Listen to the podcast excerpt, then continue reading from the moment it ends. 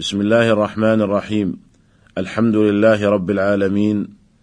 وصلى الله وسلم وبارك على نبينا محمد وعلى آله وصحبه ومن اهتدى بهديه إلى يوم الدين.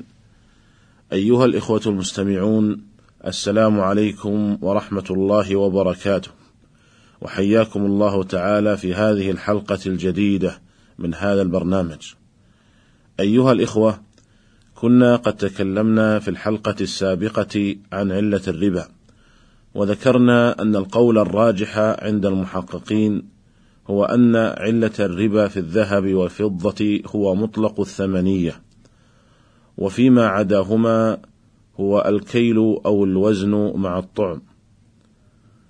ولكن ماذا عن الأوراق النقدية التي يتعامل بها الناس اليوم؟ وما علة الربا فيها. هذا هو ما سنتناوله في هذه الحلقة إن شاء الله. فنقول جرى بحث موضوع الأوراق النقدية في عدد من الهيئات العلمية والمجامع الفقهية. ومن أبرز من بحث هذا الموضوع مجمع الفقه الإسلامي المنبثق عن رابطة العالم الإسلامي في دورته الخامسة. وقد أصدر قرارا بهذا الشأن أعني بشأن موضوع الأوراق النقدية وكان أبرز ما جاء في القرار ما يأتي. اولا أنه بناء على أن الأصل في النقد هو الذهب والفضة وبناء على أن علة جريان الربا فيهما هي مطلق الثمنية في أصح الأقوال عند فقهاء الشريعة وبما أن الثمنية لا تقتصر عند الفقهاء على الذهب والفضة وإن كان معدنهما هو الأصل وبما أن العملة الورقية قد أصبحت ثمنا وقامت مقام الذهب والفضة في التعامل بها وبها تقوم الأشياء في هذا العصر لاختفاء التعامل بالذهب والفضة وتطمئن النفوس بتمولها وادخارها ويحصل الوفاء والإبراء العام بها رغم أن قيمتها ليست في ذاتها وإنما في أمر خارج عنها وهو حصول الثقة بها كوسيط في التداول والتبادل. وذلك هو سر مناطها بالثمنيه وحيث إن التحقيق في علة جريان الربا في الذهب والفضة هو مطلق الثمنيه وهي متحققة في العملة الورقية لذلك كله فإن مجلس المجمع الفقهي الإسلامي يقرر أن العملة الورقية نقد قائم بذاته أن العملة الورقية نقد قائم بذاته له حكم النقدين من الذهب والفضة فتجب الزكاة فيها ويجري الربا عليها بنوعيه فضلا ونسيئة.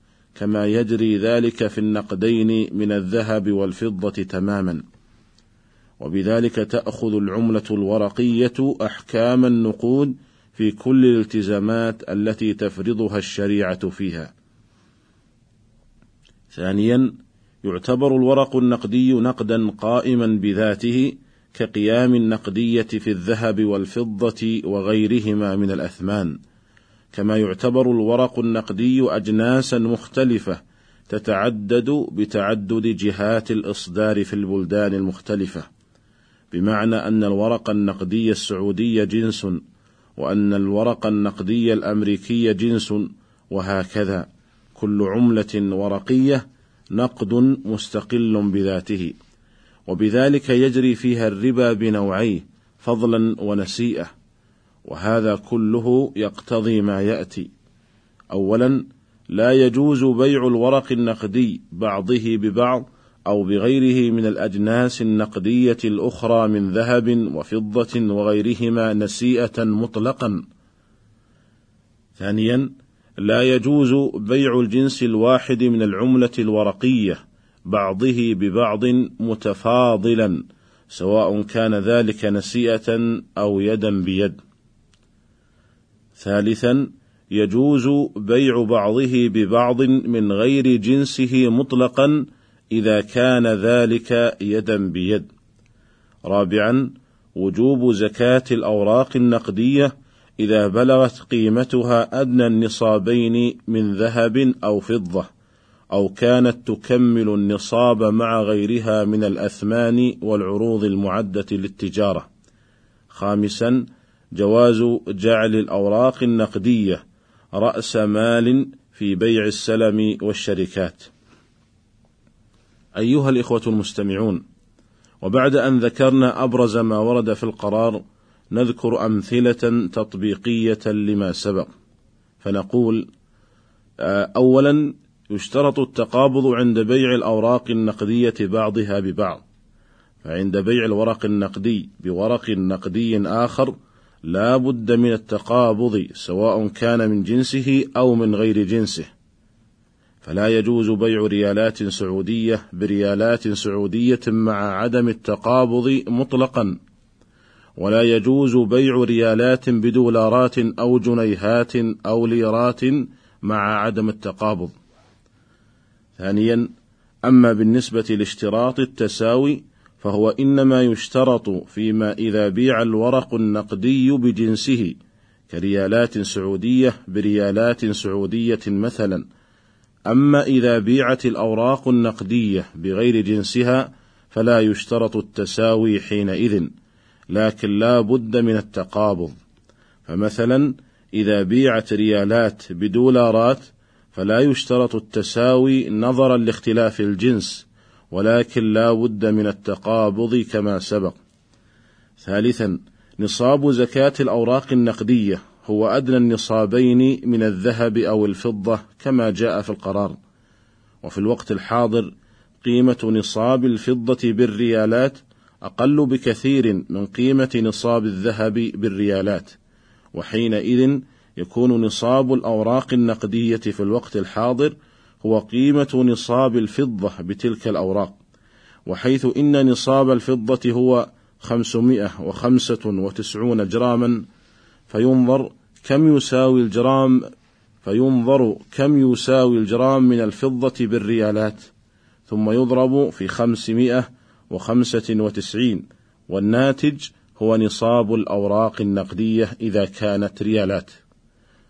وإذا كانت دولارات فينظر كم يساوي الجرام من الفضة بالدولار ثم يضرب في خمسمائة وخمسة وتسعين والناتج هو نصاب الأوراق النقدية إذا كانت دولارات وهكذا.